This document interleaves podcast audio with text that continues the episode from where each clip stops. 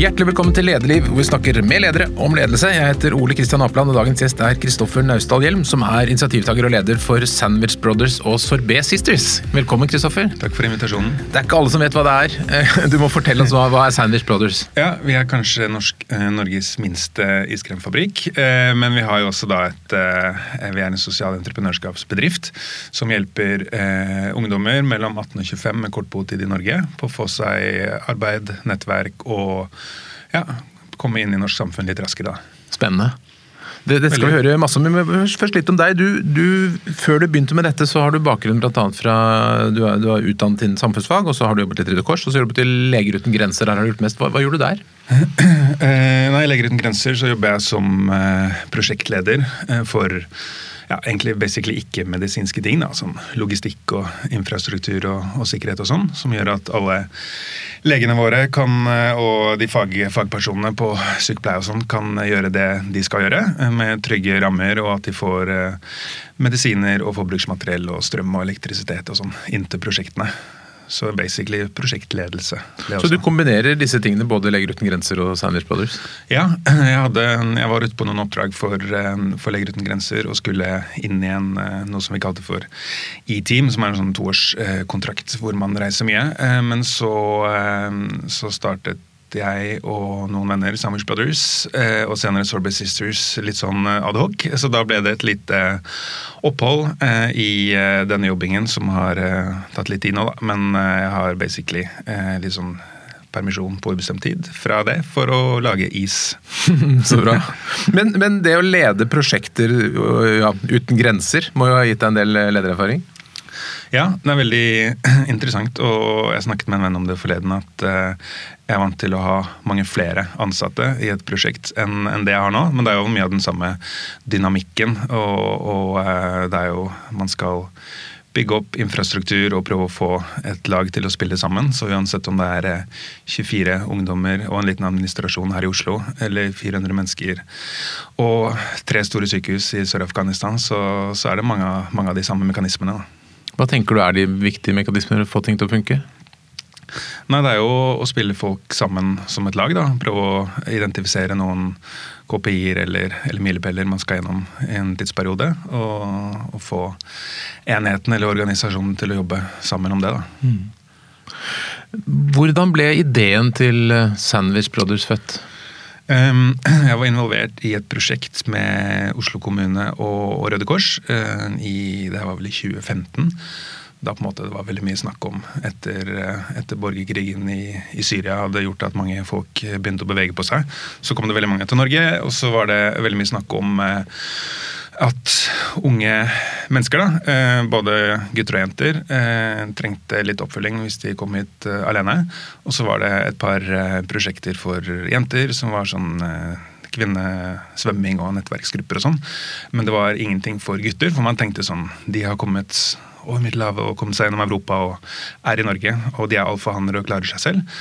Men, eh, men vi tenkte at eh, for å få mer mestringsfølelse og passe på og, eller forhindre utenforskap, da, så er det liksom viktig å gjøre aktiviteter for dem òg.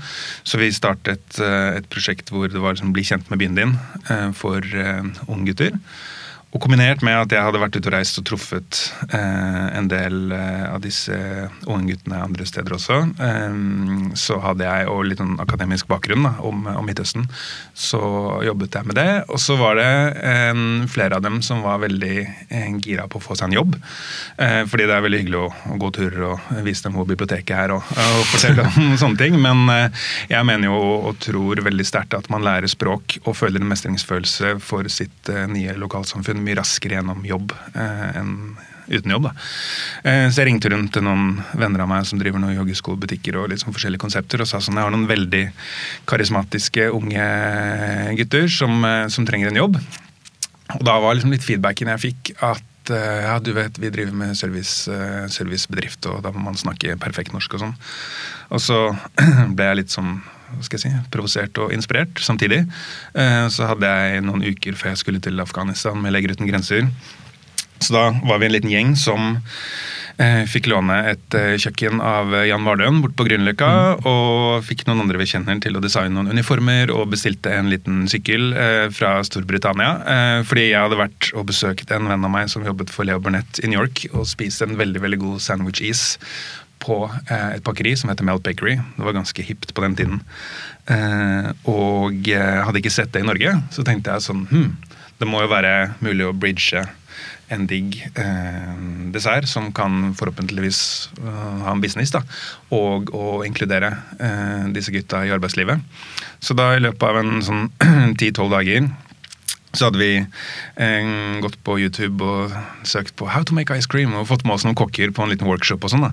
Eh, og fått noen av disse gutta eh, gjennom Oslo kommune eh, til å eh, møte opp på, eh, i Sofienbergparken. Sendte de ut med en iskremsykkel rundt på Grünerløkka. og prøvde å liksom bruke Instagram og litt sosiale medier til å spre dette. da.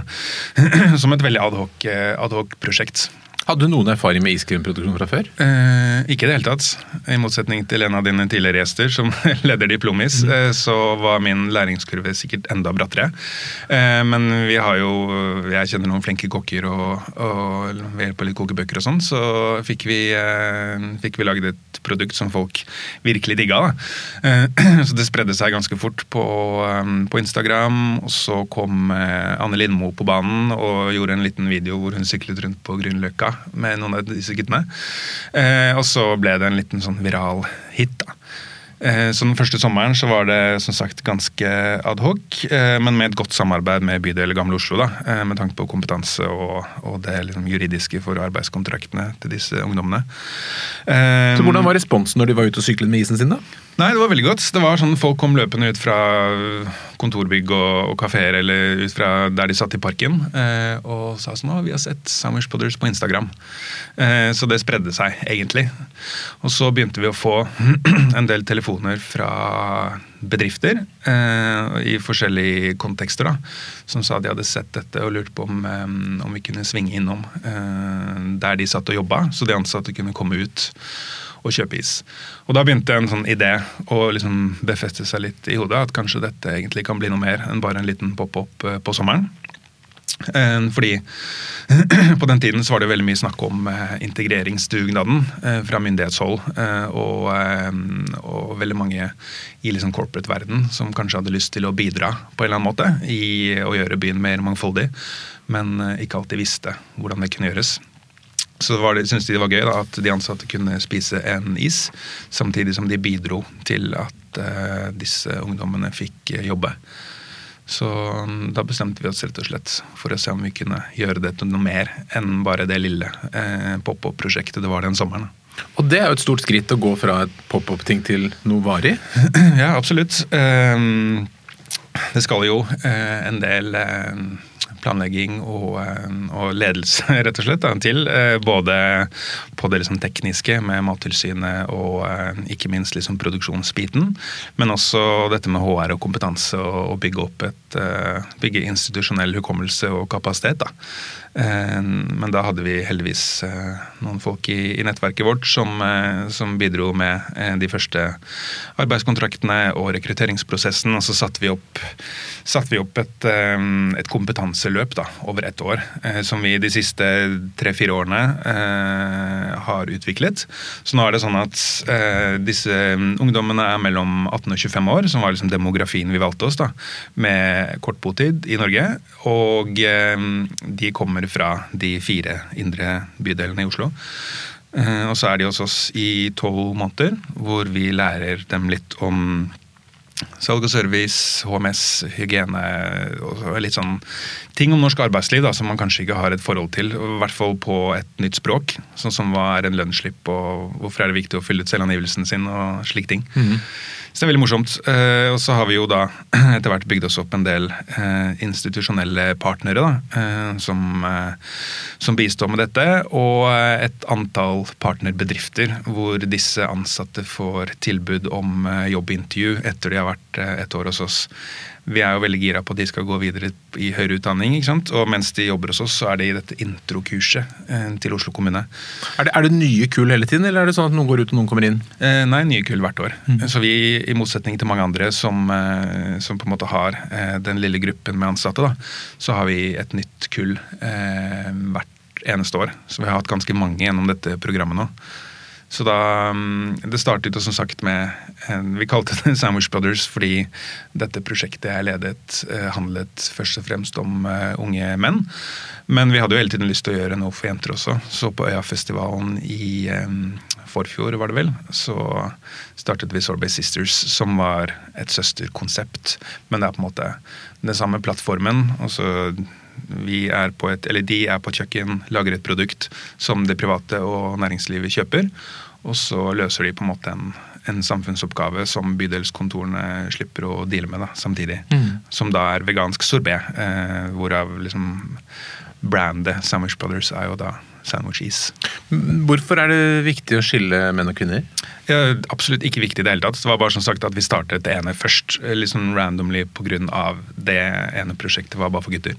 Eh, og vi har jo, Det er jo som sagt liksom plattformen som er viktig her, da, at vi eh, lager et produkt og selger det. Så vi har jo planer om å gjøre flere ting. Og da skal vi ikke gjøre det så vanskelig for oss selv at vi skal drive og kjønnssegregere. Vi måtte bare få eh, balansere eh, et prosjekt for gutter og et for jenter. Mm. Og så nest, I neste omgang så får det være noe som eh, ikke har bror eller søster eller kjønn i navnet.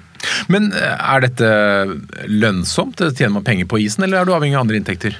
Ehm, vi har jo en eh, Som alle oppstarter, så er det jo eh, vanskelig å gå i null før man, eh, før man har en viss omsetning. Da. Så før denne pandemien så var jo planen å, å gå i null i løpet, av, i løpet av tre år. Men det er, jo ikke, er jo ikke en kommersiell bedrift. Det er jo en, sånn ideell, en ideell aktivitet. Så forhåpningen er at i løpet av tre år, eh, nå medregna pandemien, så vil prosjektet eh, generere nok midler til å drive seg selv. Men vi har jo i startprosessen vært avhengig av en, en gjeng ganske hyggelige partnere. Både på litt mer corporate-siden, men også som Sparebankstiftelsen DNB, som har hjulpet til med en del av disse iskremsyklene og maskinene. Mm. Og Stiftelsen Scheibler og en del andre. Kronprins Paus Fond er med og hjelper dere? De er med både med et finansielt bidrag, men også at de har en gjeng veldig flinke pro bono-partnere, som f.eks. Hapeland.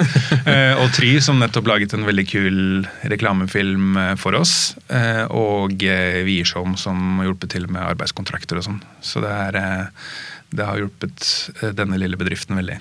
Det er jo tusen ting som må til for å starte opp en, virksomhet. Hva, hva har de vært de største utfordringene for deg?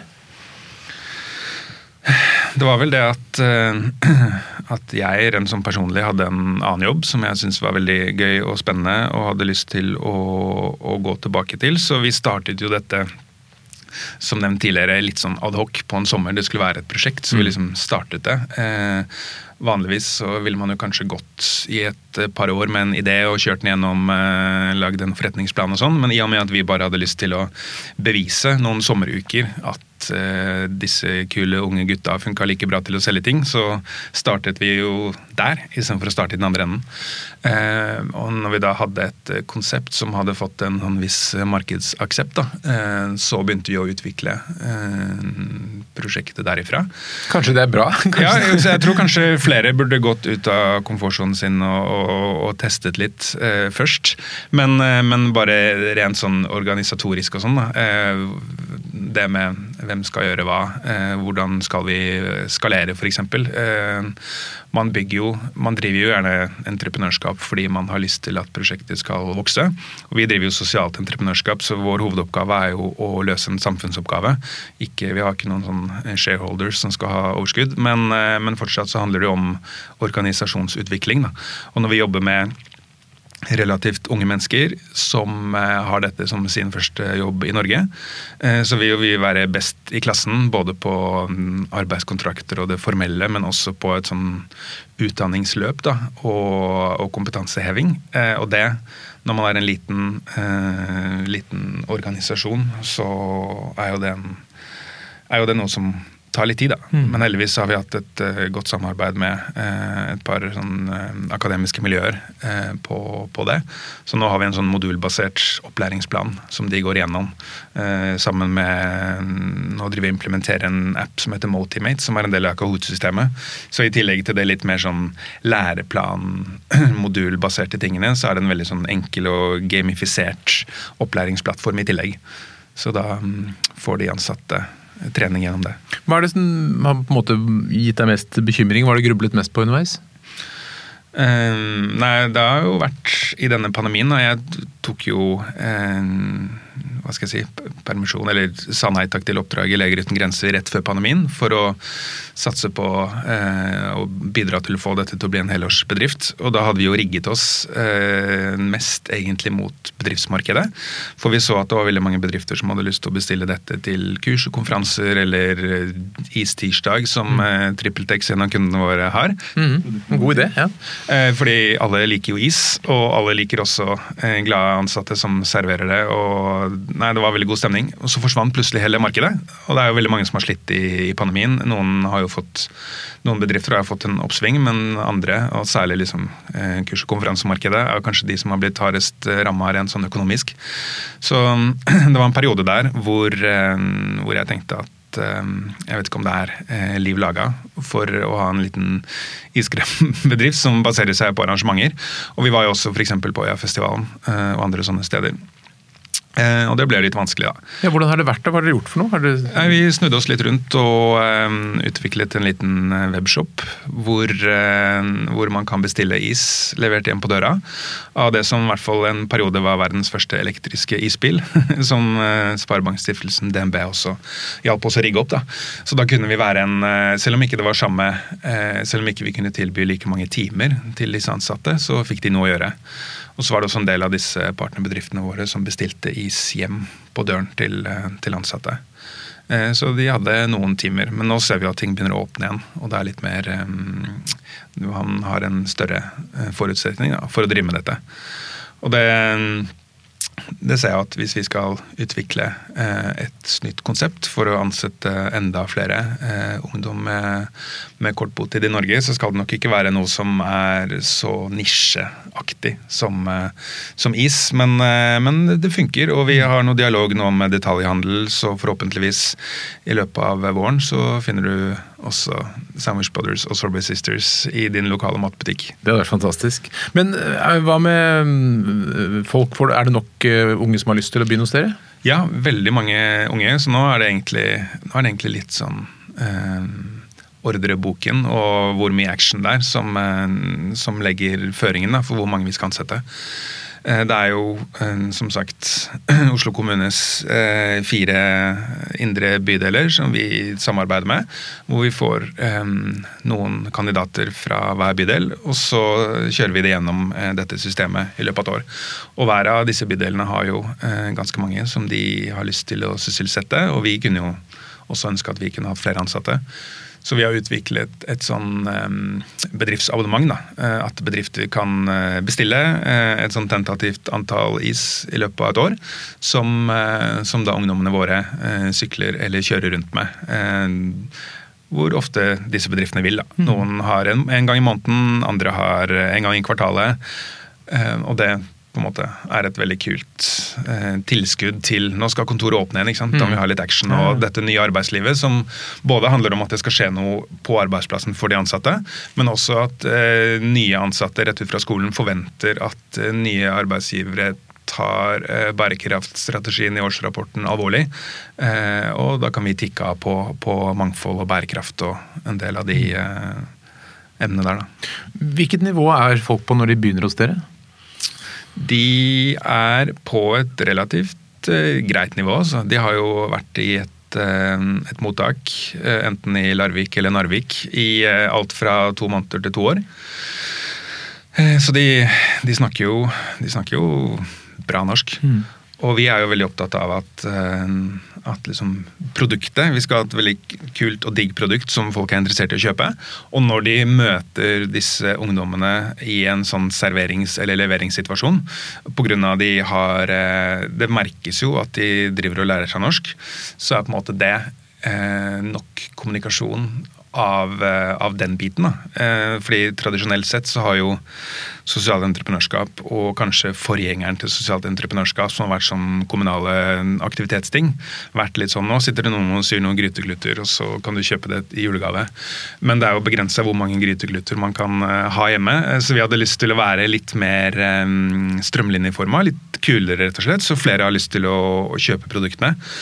Og ikke overkommunisere liksom flyktningbiten, fordi man er jo mer enn en flyktning også. ikke sant? Man er jo, Alle har jo personligheter og ønsker og drømmer og sånn.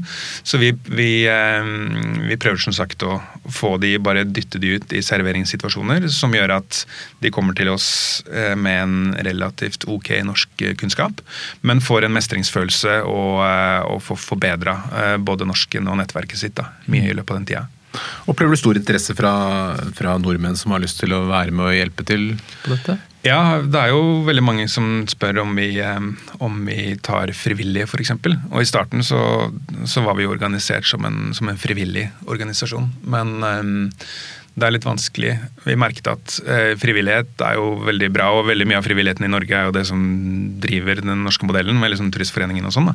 Men, eh, men, vi var litt mer sånn operative, så vi var liksom avhengig av at folk eh, gjorde, en, eh, gjorde, en, jobb, på en måte. Også de som var involvert i liksom eh, backoffice-delen. Som gikk til å bli sånn, et uh, ideelt uh, aksjeselskap hvor liksom har uh, de som jobber, får, får betalt. Da. og selvfølgelig Ungdommene har alltid fått betalt, men de, de norske måte, som jobber med kompetanse og HR og, og, og alt, de, de, er profesjonelle. For da kan man forvente mer, og man får bedre kandidater. Men det å lede dette, er det, er det annerledes å lede denne typen bedrift enn å lede en mer tradisjonell bedrift? Eh, vi er jo en, en, en, mindre Vi er jo en, en, liten bedrift. Vi har jo 18 av disse ungdommene eh, ansatt nå, og forhåpentligvis med litt flere corporate-kunder så blir, blir, det 24 til, eh, altså over, over jul, mot våren. Og så er vi vel fem, fem, stykker i denne lille administrasjonen. Så vi er jo en veldig agil eh, liten organisasjon, som betyr at vi kan kaste oss rundt hvis det er noe gøy som, eh, gøy som skjer. Men det betyr jo også at, eh, at på en måte den linjen, den uh, operasjonelle linjen, er ikke så veldig lang. Da. Så man må jo noen ganger eh, ja, jobbe, jobbe, mer og hjelpe hverandre i ferieavvikling og sånn. Eh, men det er jo det er jo noe av sjarmen med et lite prosjekt. Har du en, en lederfilosofi, hvordan du er som leder for dette? Jeg har tenkt litt på det eh, i sted da jeg satt i badstuen i gata her. At, eh, at i hvert fall i Leger uten grenser så har, vi, har, jeg merket veldig mye at den liksom nordiske eh, måten å lede på, med en liksom flat struktur og, og, eh, og dialog, blir veldig godt mottatt av både franske og spanske kolleger, men også afghanske og, eh, og jemenittiske kolleger. Dette med å ta folk med på, på diskusjoner før og etter eh, prosjekter. I Leger uten grenser så er det jo ikke bare prosjekter, men liksom kanskje litt skarpe situasjoner. Da. Så da er vi veldig klare på at det kan være diskusjon og en flat Eller ja, man diskuterer ting, da, både før og etter, men så stiller man ikke spørsmål når man er midt oppe i ting. Og det er jo litt sånn eh, forsvarsmåten å tenke på også. Men det er veldig bra med, med, med, mangfoldsledelse, men akkurat når man er i en krise eller en skarp situasjon, så stiller man ikke spørsmål. Eh, og Sånn er det vel litt i ledelse i næringslivet også. At man kan eh, evaluere eh, og brife før, og evaluere og debrife etterpå. Men når man står i en krise, så må man stå i det som leder, da. Mm. Og det merket jeg litt i, i denne pandemien også. Da da vi ikke hadde så mye å gjøre, eh, hvilken retning vi skulle gå. Da måtte jeg ta eh, noen, eh, noen avgjørelser så da, som, som, vi, som vi, diskuterte mm. før og etter. Men nå var til slutt jeg som måtte ta den avgjørelsen. Da. De som kommer fra andre kulturer, har de en annen forventning til ledelse enn det vi har i Norge? Eh, både ja og nei. Jeg vil jo si at eh, igjen da, dette med, Jeg tror det har noe med den den nordiske modellen og liksom den skandinaviske samfunnskontrakten å gjøre. Eh, at vi har kanskje en litt, eh, litt mindre hierarkisk eh, struktur her. Mm. Men så jeg vet ikke om liksom forutsetningene, men jeg tenker at eh, reaksjonen og, og, eh, og, arbeidsmiljøet blir jo i hvert fall påvirket en positiv, på en positiv måte da, av eh, riktig ledelse. Og, ja, og rett og slett en, eh, en litt flatere Eller muligheten for å kunne diskutere og, og idémyldre med, med ledelsen. Mm. Hvis andre bedriftsledere som hører på dette, får eh, ansatte med eh, kort botid i Norge, da, er det noen spesielle ting man bør tenke på når man skal lede dem i forhold til å lede andre? Nei, og En av hovedgrunnene til at vi startet dette prosjektet, var jo uh, for å prøve å inspirere Det var det det egentlig skulle være den sommeren. Å inspirere andre til å tørre å ansette det navnet i bunken som ikke nødvendigvis hørtes sjukt norsk ut. da. Uh, så jeg vil jo bare først og fremst uh, fortsatt si til folk at, at, det må dere gjøre. på en måte. Dere må gi, gi folk den sjansen. men så vil jeg kanskje si at ikke vær altså redd for verken å stille spørsmål eller overanalysere ting. Eh, altså, selv om man er ganske ung med kort botid i Norge, så er man jo eh, som en hvilken som helst eh, ansatt. Og man skal ikke være redd for å forlange ting av de ansatte eller, eh, eller, stille spørsmål. Det er jo det som bringer oss videre da, som, eh, som mennesker, at vi stiller spørsmål og snakker med hverandre. Og den gruppen, i hvert fall de som har kommet hit som flyktninger, må også være ganske ressurssterke folk. veldig mange forstand at De har tatt initiativ og, og, klart å komme seg hit? Ja, absolutt. Og det var igjen en av bakgrunnene for, eh, for, å starte dette prosjektet, var at det var veldig mye snakk om i 2015 sånn denne flyktningkrisen og bølgen med folk som kom til Norge. Men men eh, jeg liker jo å se liksom helhetlig på verden og samfunnet. Og eh, disse folka er jo selvfølgelig mennesker med kvalifikasjoner og, og potensial som fortjente en sjanse. Eh, men så trenger jo vi i Norge arbeidskraft også. Så den, bare den retorikk, eller det ordskiftet da, i media på den tiden var, eh, var liksom provoserende. Jeg tenker at vi må snu litt på det og se på de som en potensiell Eh, nabo, skatteinntekt, eh, kompis. Ikke sant? Det er, mm. eh, det er jo mennesker. Hvordan går det med ismakerne etter at de er ferdig hos deg? Får de seg jobber? Eh, de får veldig forskjellige jobber, som en hvilken som helst norsk skoleklasse.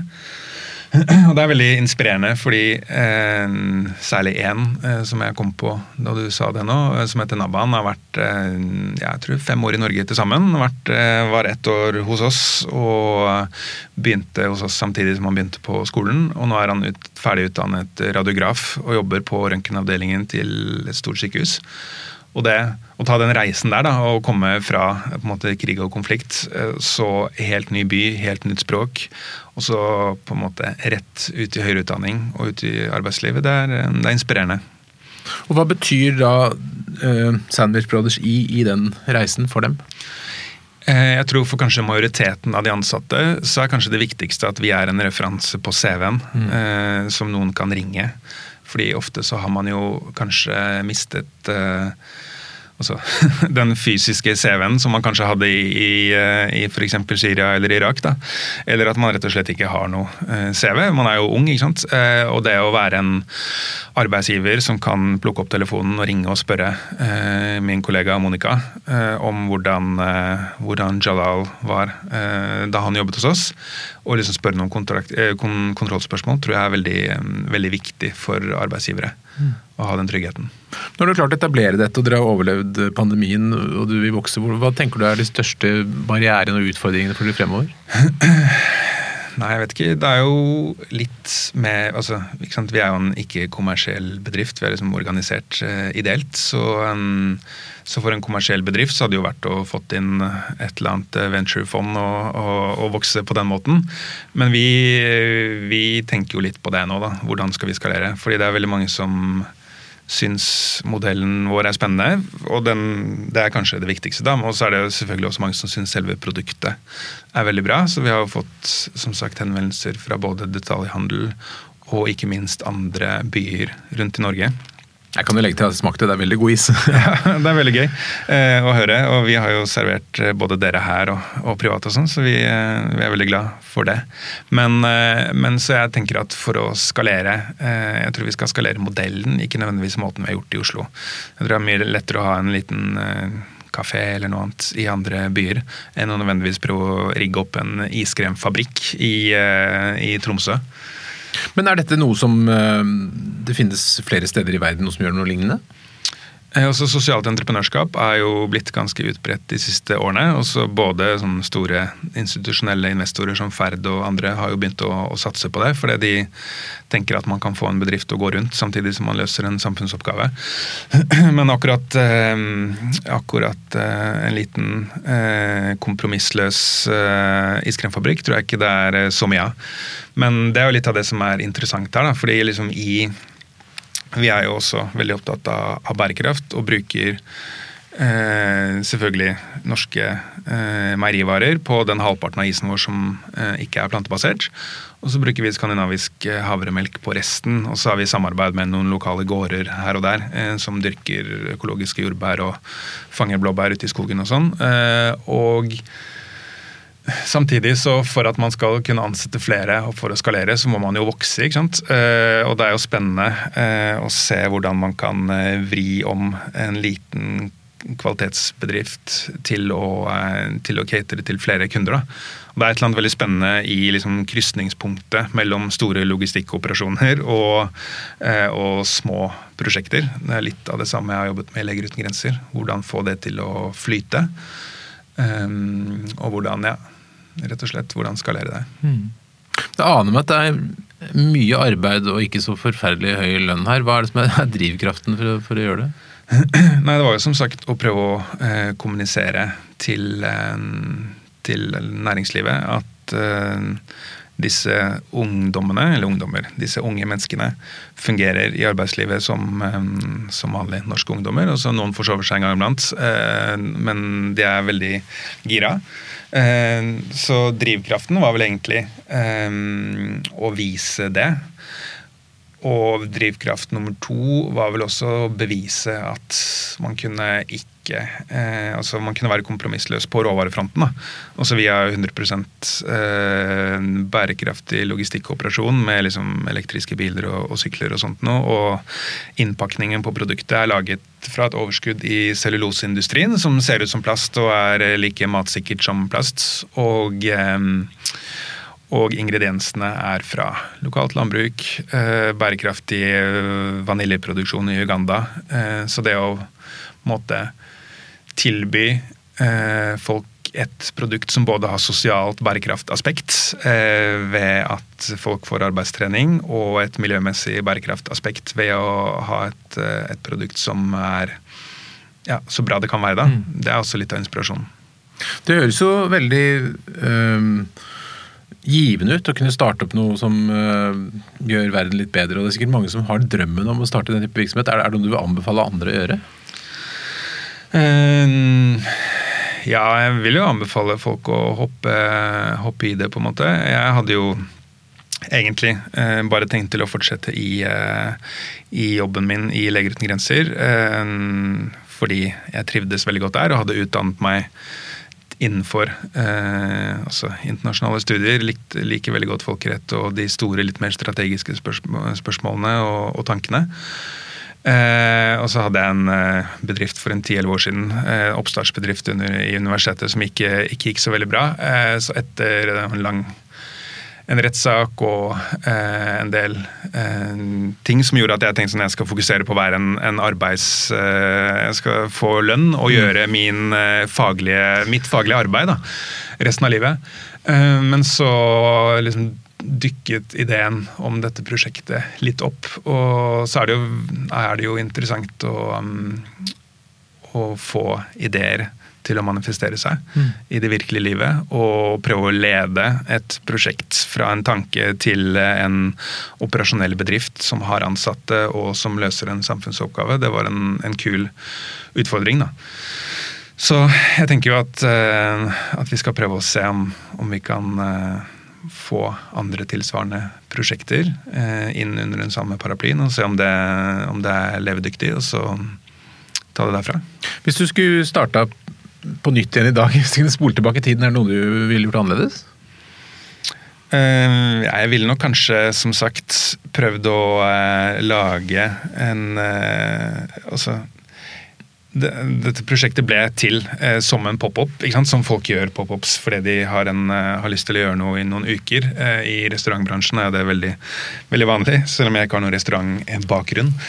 Men, eh, men det var jo på en måte ment til å være et gøy prosjekt en sommer. Eh, så jeg ville nok som sagt kanskje gått tilbake og hatt en eh, forretningsplan og tenkt sånn hvem er kundene våre, hva skal vi gjøre? Fordi det hadde nok vært litt lettere for oss å gjort det på den måten. men Samtidig, noen ganger så dukker det opp eh, bra ting av eh, improviseringsprosesser. Mm. Og i, om man er leder enten i liksom, Felt for Legger uten grenser eller i et stort børsnotert selskap, så må man noen ganger kaste seg rundt og handle på intuisjon. Uh, og uh, i, i, sikre rammer, selvfølgelig. Uh, men det var et eller annet ved, ved denne ideen og denne potensielle koblingen mellom integreringsarbeidet til det offentlige og produktet, og at næringslivet ville bidra til integrering. Det var et eller annet spennende eh, i, det om, i det idémessige området der da, som vi ville satse på. Så, så det ble litt eh, improvisert. Men eh, ja, flere burde starte. Flere burde få ideene sine ut i livet. Hva er det viktigste du har lært i disse årene? Eh, det viktigste jeg har lært, er at uh, folk Altså, jeg har fått veldig mange sjanser i mitt liv, og jeg ser at veldig mange av mine venner og samarbeidspartnere eh, som har fått sjanser og fått tillit eh, av eh, enten eh, styre eller eier eller, eh, eller venner. Man, man, man blir et større og bedre menneske av å få tillit og, eh, og utføre eh, arbeidet den eh, tilliten har påført deg.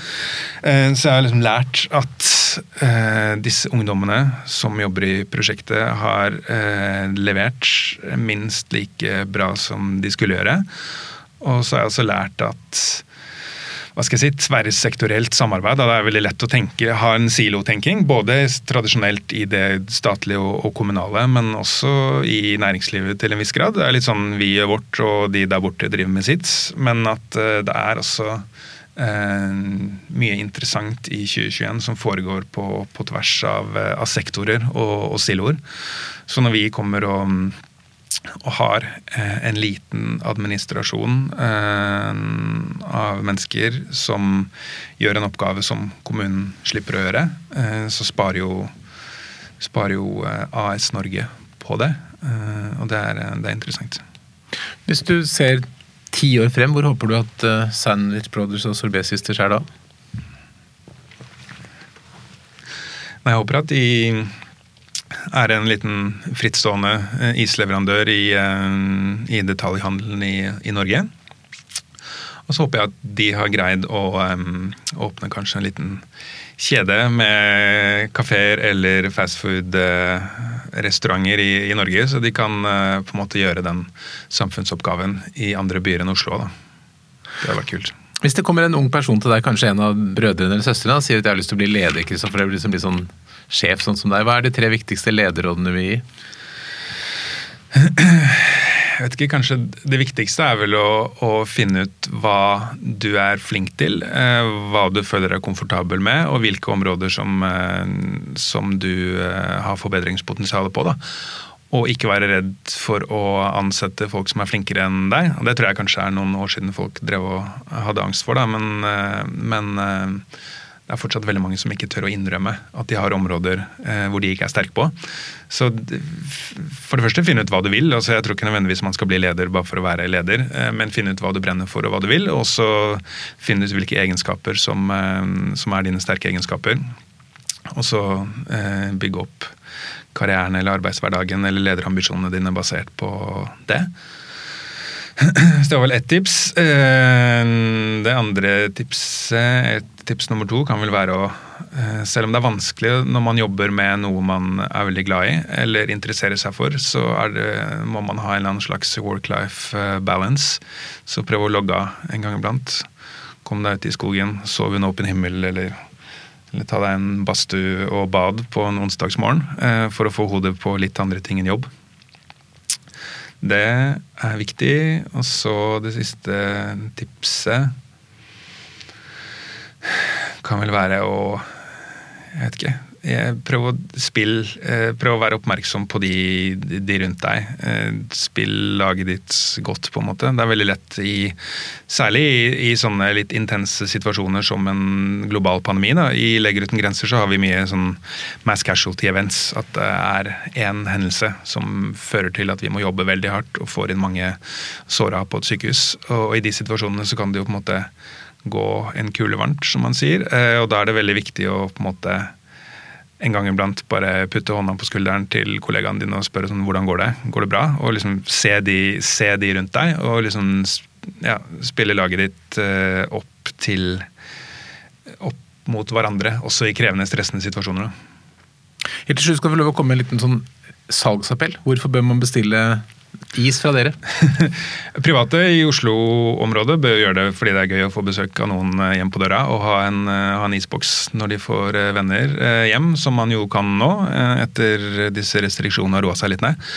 For firmaer så tenker jeg at det er veldig gøy å få eh, unge, glade mennesker eh, med is. Både for at ansatte blir ekstra glad i HR-sjefen eller CEO-en eller hvem som, eh, hvem som bestiller det, men også fordi firmaet faktisk kan gjøre en operasjonelt mangfolds- og bærekraftarbeid da, eh, gjennom, å, gjennom å kjøpe is. Og så kan vi jo tilpasse oss veldig. Det er jo noen kunder som har en fryser stående på kontorlokalet sitt, som vi fyller opp en gang iblant. Eller så kan vi komme med is til lunsjen rullende gjennom kontorlokalet. Så det, det, håper jeg at flere kaster seg på. Det er bare å gå inn på hjemmesiden vår og sende en e-post. Og adressen vi, er? Den er sandwichbrothers.no. Og så er det info at sandwichbrothers.no. Så er det en uh, gjeng med hyggelige ansatte som kommer til å svare dere. Veldig bra. Kristoffer Naustadheim, tusen takk for at du kom til Lederliv. Takk for at jeg fikk komme.